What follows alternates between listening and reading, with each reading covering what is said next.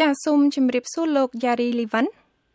បាទជំរាបសួរបាទចាជាកិច្ចផ្ដើមនៃបទសម្ភាសន៍នេះនឹងខ្ញុំចង់ឲ្យលោកប្រាប់ទៅកាន់អ្នកស្ដាប់នៃកម្មវិធីផ្សាយរបស់ VOA យើងនេះពេលនេះអំពីគោលបំណងនៃការសាងសង់ពោជនីយដ្ឋានជនជាតិភៀសខ្លួនខ្មែរ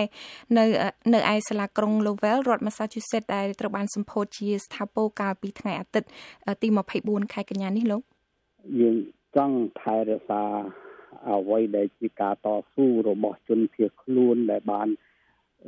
រស់រៀនមានជីវិតរួចពីសម័យប៉ុលពតមកហ្នឹងគឺយើងរស់រត់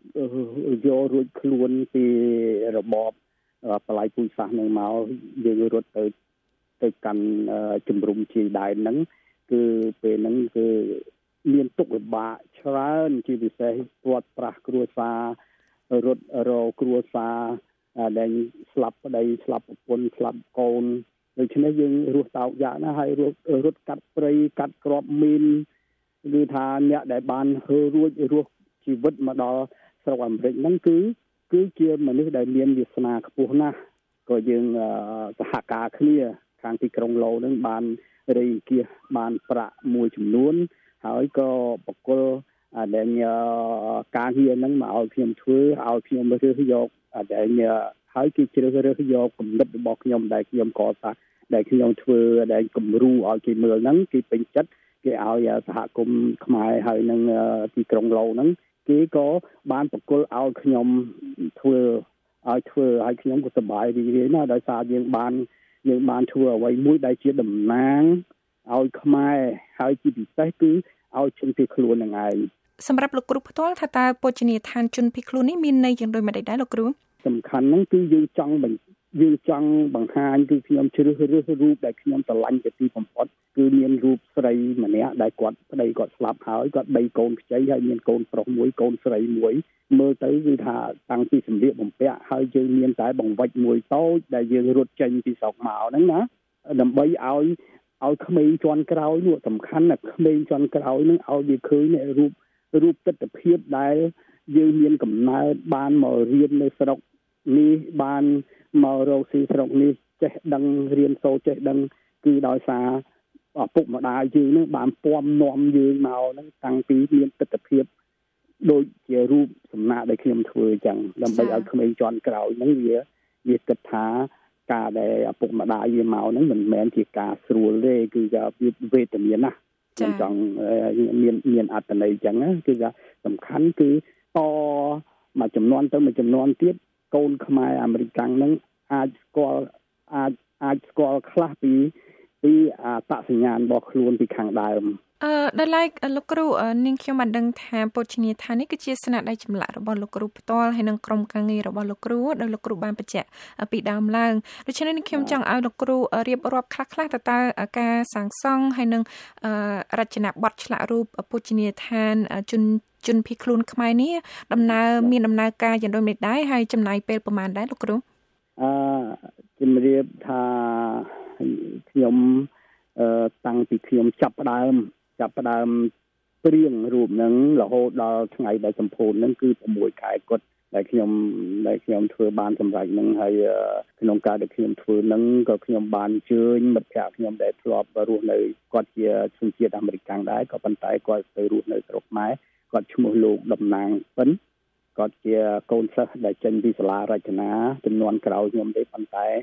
ដែលយើងធ្លាប់ស្គាល់គ្នាខ្ញុំក៏បានអញ្ជើញគាត់ឲ្យមកជួយខ្ញុំជួយឆ្លាក់ជួយអីគ្នាហ្នឹងបង្កើតស្នាដៃហ្នឹងហើយបន្ទាប់មកខ្ញុំបានមានមិត្តភ័ក្តិអាមេរិកគាត់ជាវិស្វករខាង computer គាត់ជួយខ្ញុំ design ខាងខាងដែលគ្រូឆ្អឹងដែកខាងក្នុងដែលយើងដាក់ធ្វើយ៉ាងម៉េចហើយគាត់ជួយខ្ញុំ សិក្សាពីរឿងគុណភាពបដិញ្ញាវត្ថុធាតុដើមធ្វើម៉េចដើម្បីយើងធ្វើជារូបសំណាកនឹងឲ្យជាប់បានរាប់រយឆ្នាំអាហ្នឹងក៏សហការជាមួយគាត់គាត់ឈ្មោះ Roland ហើយនឹងខ្ញុំមានកូនសិស្សអាមេរិកមួយទៀតដែលគាត់គាត់ឆ្លាញ់នៅមុខវិជ្ជា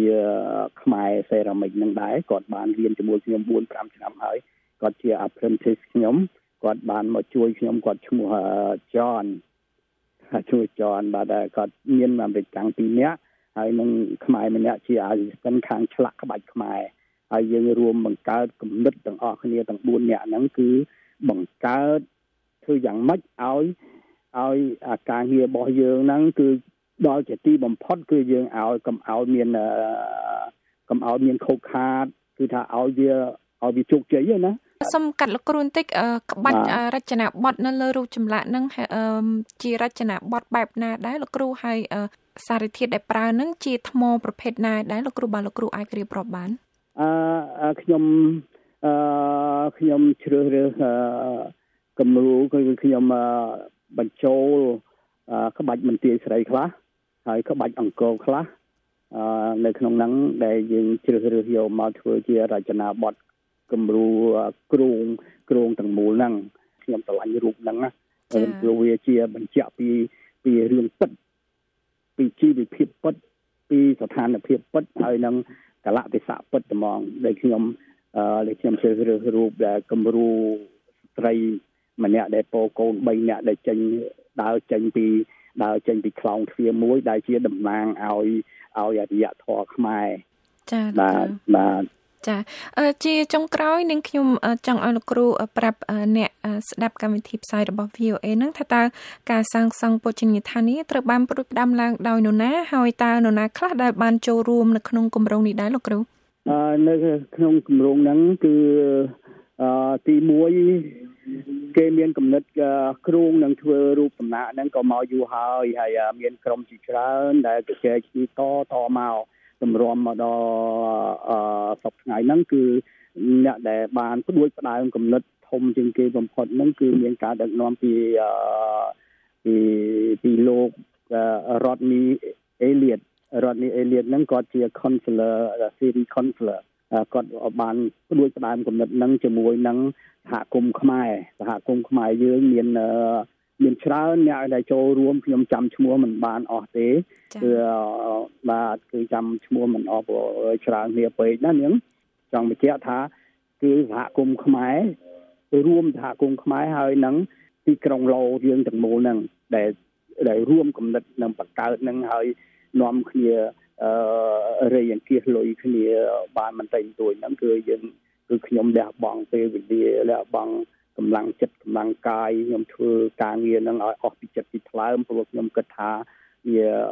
វាតំណាងឲ្យជនភៀសខ្លួនខ្មែរយើងហ្នឹងដែលរស់នៅស្រុកអាមេរិកហ្នឹងវារាប់ឆ្នាំទៅមុខទៀត ចាសសូមអរគុណលោកគ្រូយ៉ារីលីវ៉ាន់ដែលជាសាស្ត្រាចារ្យខ្មែរខាង ផ្នែកកុលភិតនិងជាអ្នកឆ្លាក់រូបពុជនីយដ្ឋានជនជាតិខ្មែរដែលត្រូវបានសម្ពោធជាស្ថាពរនៅសាលាក្រុងឡូដើម្បីរំលឹកដល់ប្រវត្តិសាស្ត្រនៃជនភៀសខ្លួនខ្មែរចាសសូមអរគុណសូមជម្រាបលាបាទជម្រាបលា